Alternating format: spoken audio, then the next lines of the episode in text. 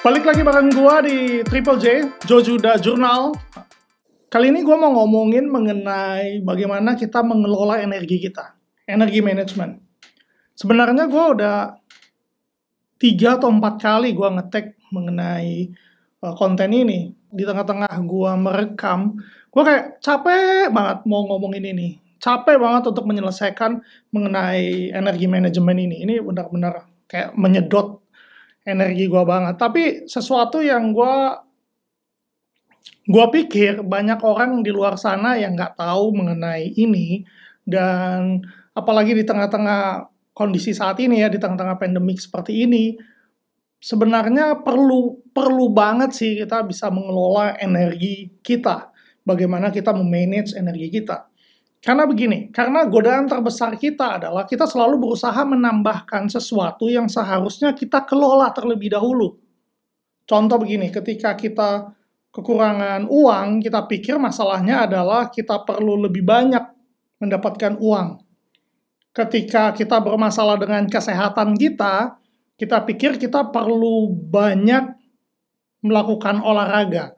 Padahal sebenarnya sebelum kita menambahkan kegiatan-kegiatan kita, sebelum kita menambah eh, pundi-pundi uh, uang kita, hal pertama yang perlu kita lakukan adalah mengelolanya.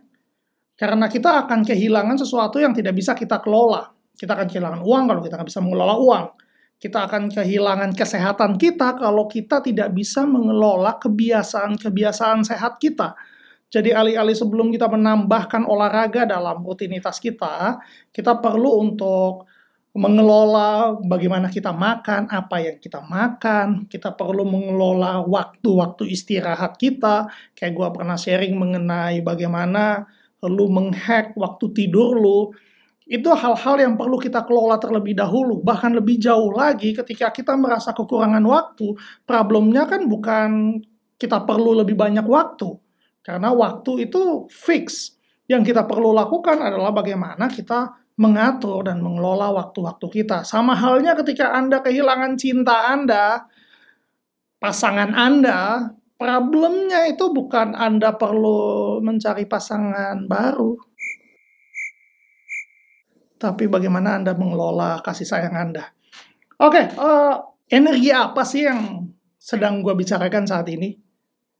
Energi di sini yang gue bicarakan ini bukan ngomongin kekuatan fisik saja, bukan cuma sekadar mental saja, namun gabungan kedua hal tersebut antara fisik dan psikis kita. Karena pada dasarnya ketika kita melakukan rutinitas, ketika kita menyusun jadwal, ketika kita menjalankan hari, yang kita butuhkan itu nggak cuma sekedar waktu, waktu yang available untuk menjalankan kegiatan atau tas yang kita punya atau pekerjaan yang kita punya. Tapi kita perlu juga kesadaran kita sepenuhnya ketika menjalankan aktivitas tersebut. Benar atau enggak? Karena kalau kita cuma perlu fisik saja, kita bisa hadir dalam sebuah meeting online statusnya, tapi kita mute semuanya dan kita melakukan aktivitas yang lain. Kita nggak dapat manfaat apa-apa juga akhirnya dari pertemuan tersebut dari entah itu sekolah, entah itu meeting, kita nggak dapat apa-apa dari sana. Kita terlihat produktif, tapi sebenarnya kita nggak bikin apa-apa. Jadi balik lagi ngomongin energi di sini adalah mengenai waktu dan mengenai psikis dan mental kita. Nah, sering kali yang paling banyak menguras energi itu bukan sebenarnya fisik, apalagi dalam kegiatan rutinitas kita ya, dalam pekerjaan kita yang hanya duduk, hanya di depan komputer, di depan laptop, eh, meeting dari satu meeting ke, ke meeting yang lain, karena fisik kita nggak terkuras. Fisik kita mungkin nggak terpakai dengan berlebihan. Namun, mental kita di sana, pemikiran kita, pikiran kita, keberadaan kita, itu yang uh, menguras energi kita. Jadi, energi atau energi manajemen ini adalah kemampuan kita dalam mengelola daya tahan fisik dan psikis atau mental kita. Bagaimana kita menghadapi stres, bagaimana kita mengelola stres tersebut. Nggak dihindari, karena stres itu perlu. Namun kita nggak bisa selalu berada dalam tensi yang tinggi, dalam kondisi stres terus-menerus. Dan ini nggak bisa dipisahkan loh, antara fisik dan mental. Karena seperti kata pepatah, di dalam tubuh yang kuat terdapat mental yang kuat. Jadi ini dua hal yang nggak bisa terpisahkan. Makanya para atlet mereka punya pikiran yang optimis, yang positif karena mereka membangun tubuh mereka dengan kuat. Mereka membangun tubuh mereka dengan baik. Makanya ketika kita ingin punya mental yang baik memang nggak bisa lepas dari kita harus punya tubuh yang baik juga, yang sehat juga. Olahraga teratur, yes, boleh. Tapi yang terpenting adalah tadi, makan makanan yang teratur. Karena 80% kondisi tubuh kita tergantung dari apa yang masuk ke dalam, bukan apa yang keluar. Istirahat. Yes, gue udah pernah bilang bahwa tidur itu adalah proses di mana tubuh kita recovery. Tubuh kita beristirahat, tubuh kita berkembang. Jadi tidur itu penting. Lakukan dua hal tersebut sebelum Anda pikirkan olahraga terbaik buat Anda. Nah, sekarang bagaimana mengelola energi tersebut? Jadi, energi itu sesuatu yang pasti keluar dan pasti balik lagi. Dipakai dan dapat kita recover. Kita isi kembali seperti baterai. Baterai setelah 100%, lu nggak bisa charge jadi 200%, 300%, 400%. Enggak lu cuma bisa charge sampai 100%. Dan ketika habis, lu bisa isi kembali sampai 100%. Jadi kalau lu mau menambah energi, lu nggak bisa melebihi dari kapasitas yang lu miliki. Nah, pertama, kita perlu tahu di mana energi kita terkuras habis dengan cepat atau dengan lambat, dan sebaliknya kita perlu tahu di mana sih energi kita bisa recover dengan cepat atau mungkin ada hal-hal yang merecover energi kita dengan uh, lambat. Jadi idealnya adalah kita mengeluarkan energi seminim mungkin, namun kita dapat merecover energi tersebut secepat mungkin. Setiap orang ini berbeda-beda. Apa sih yang mempengaruhi uh, hal ini? Adalah personality kita. Gue ambil contoh antara introvert dan extrovert seorang yang ekstrovert, dia akan cepat mendapatkan energi balik ketika dia berada di dalam kerumunan. Ketika dia berada dalam kerumunan, dia merasa nyaman. Ketika dia sharing sesuatu di dalam kerumunan, di saat yang bersamaan, dia merecover energi dia. Makanya buat para ekstrovert, biasanya setelah habis berkumpul, hangout, sharing, mereka pulang, mereka dapat satu hal yang menyenangkan uh, membuat mereka happy. Berbeda dengan introvert. Seorang introvert justru kerumunan menguras energi mereka dengan cepat. Ketika mereka harus berbagi sesuatu, mereka nggak nyaman di sana, itu menguras energi mereka dengan cepat. Sehingga makanya mereka cenderung untuk menghindari kerumunan. Begitu juga dengan orang-orang yang kita temui. Uh, lu perlu lihat, lu tipe orang yang seperti apa, lu cocok dengan orang-orang yang seperti apa. Ada beberapa orang yang ketika lu temui mereka, lu bersama-sama dengan mereka, mereka memberikan energi positif terhadap lu. Pernah kan lu ngalamin seperti itu kan, ketemu orang yang lu ngobrol beberapa menit, mungkin beberapa jam dengan dia, dan lu kayak pulang itu dapat sebuah insight, dapat mungkin bukan insight juga, tapi sesuatu yang menyenangkan buat lu, yang cepat mengisi energi lu. Nah, lo harus tahu nih orang-orang seperti apa. Sebaliknya, ada orang-orang yang ketika lu temui itu menguras energi kita.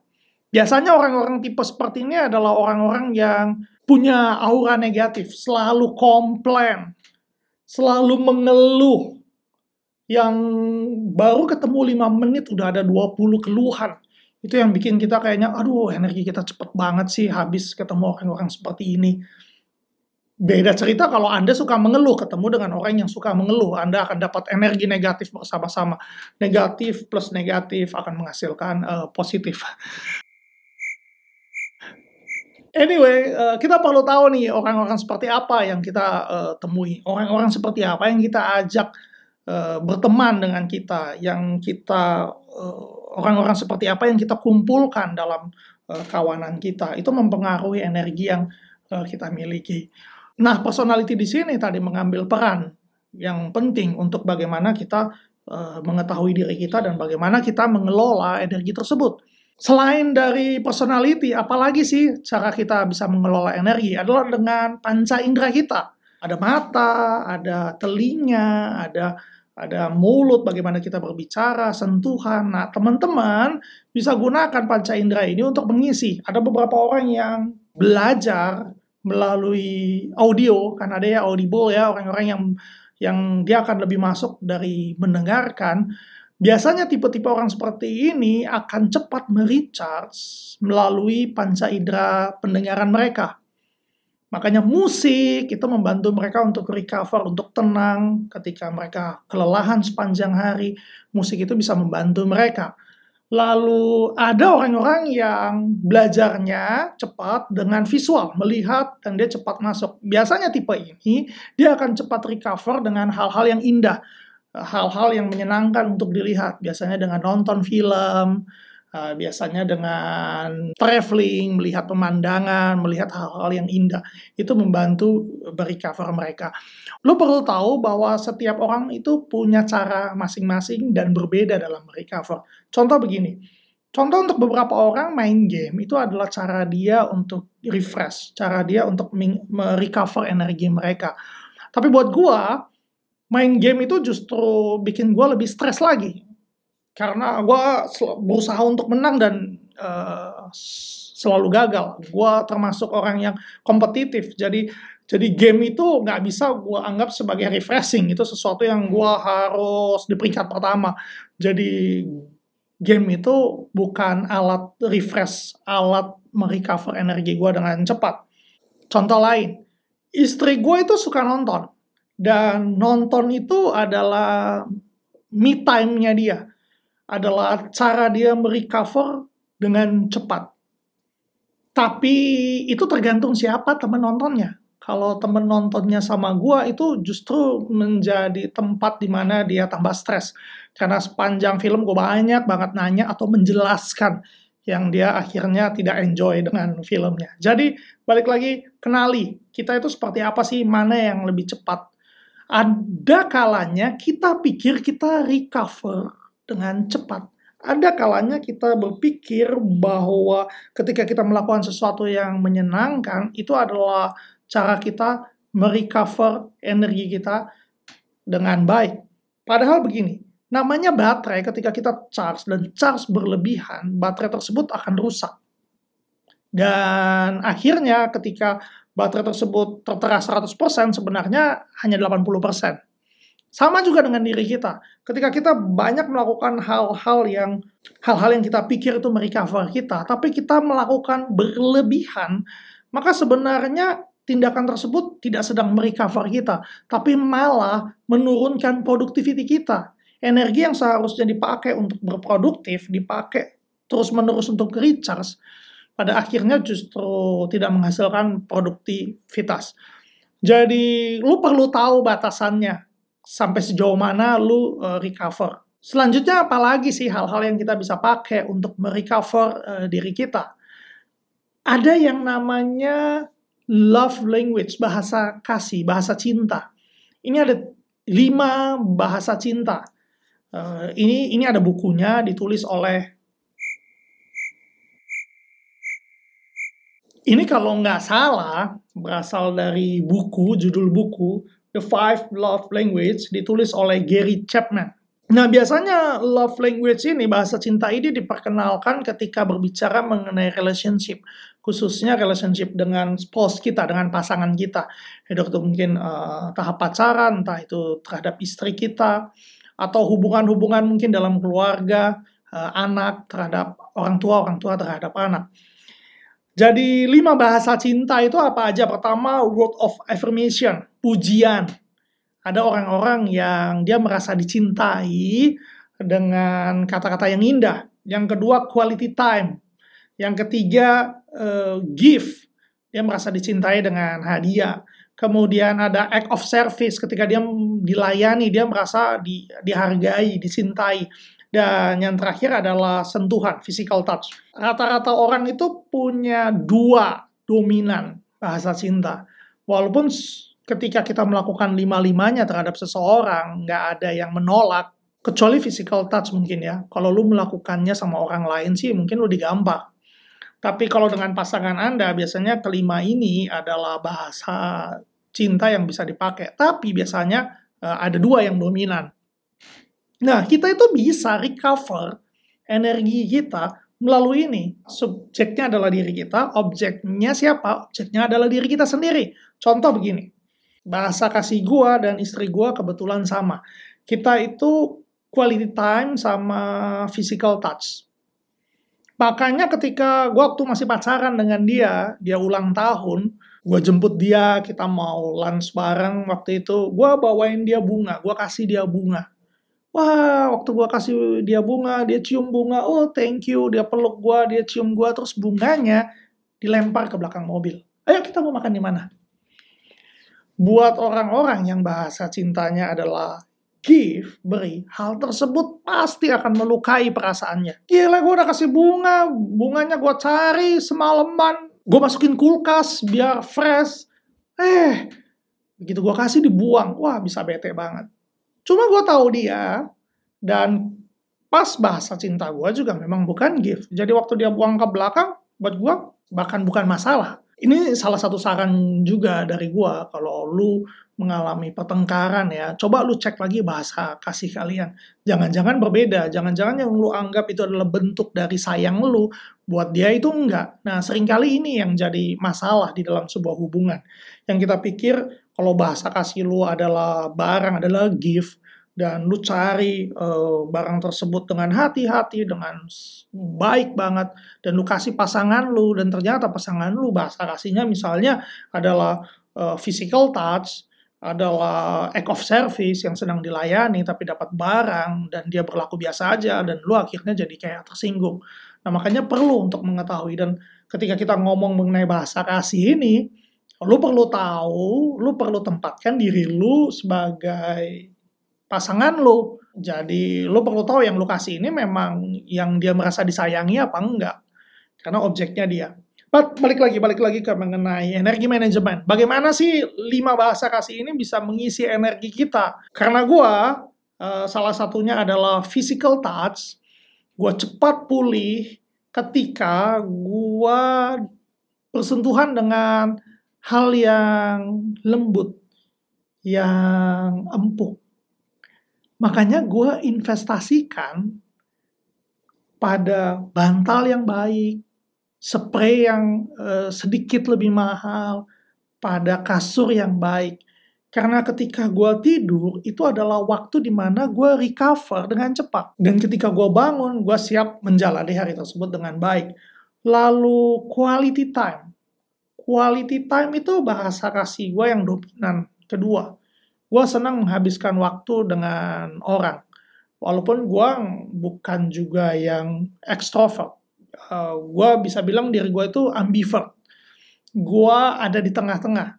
Gue bisa begitu nyaman sekali di kerumunan orang, tapi kerumunan orang bisa menguras energi gue. Gue bisa nyaman dengan kesendirian, but kadang gue nggak bisa terlalu lama sendiri. Gue di tengah-tengah tipe yang ambivert. Gue perlu nggak perlu uh. Nah, quality time ini adalah ketika gue melakukan hal-hal sendirian. Ada hal-hal yang gue ingin lakukan itu sendirian.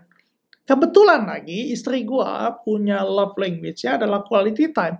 Ketika dia recharge, nggak selamanya quality time-nya adalah together, adalah kami bersama-sama ada kalanya dia perlu waktu untuk menyendiri dan buat gue itu fine aja. Begitu juga dengan diri gue. Dia tahu ada waktu-waktu yang gue perlu untuk sendiri dan itu kita saling uh, respect. Nah, lu perlu tahu nih bahasa kasih lu itu apa aja. Contoh, gue ambil contoh satu lagi uh, teman kantor gue. Bahasa kasihnya dia itu adalah gift. Cara dia merecover energi dia adalah dengan membeli barang-barang yang nggak penting. Jadi dia punya banyak berbagai barang yang kita nggak tahu barang itu kapan akan kepake, tapi dia senang membeli dan dia senang mendapatkan barang tersebut. Bahkan ada beberapa barang yang nggak sempat dia buka.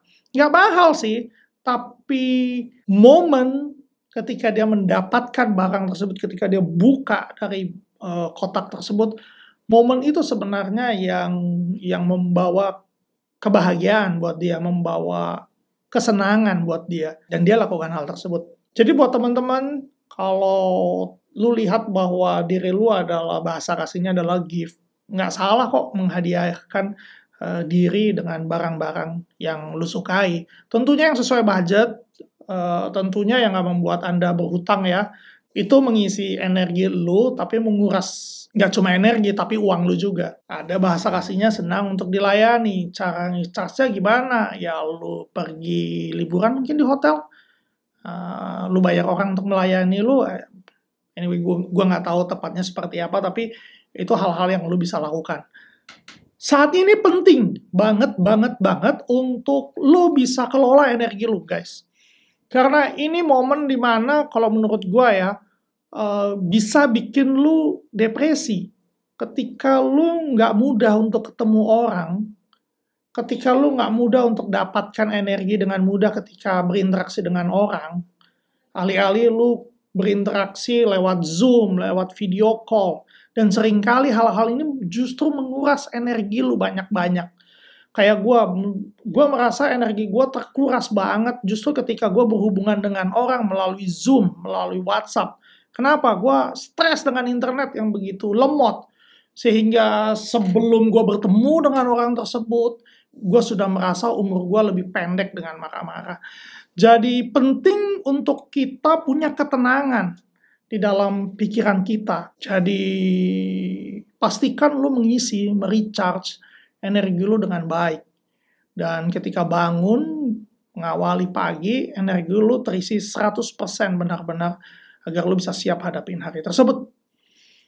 Oke, okay, itu aja. Uh, tolong komen, kasih gua masukan atau apa pun yang lu pikir uh, relate dengan energi manajemen ini, dengan mengelola energi ini. Apa lu merasakan juga apa yang gua rasakan soal energi ini? Atau lu mungkin punya tips-tips lain atau trik lain cara lu merecharge energi lu sendiri itu seperti apa?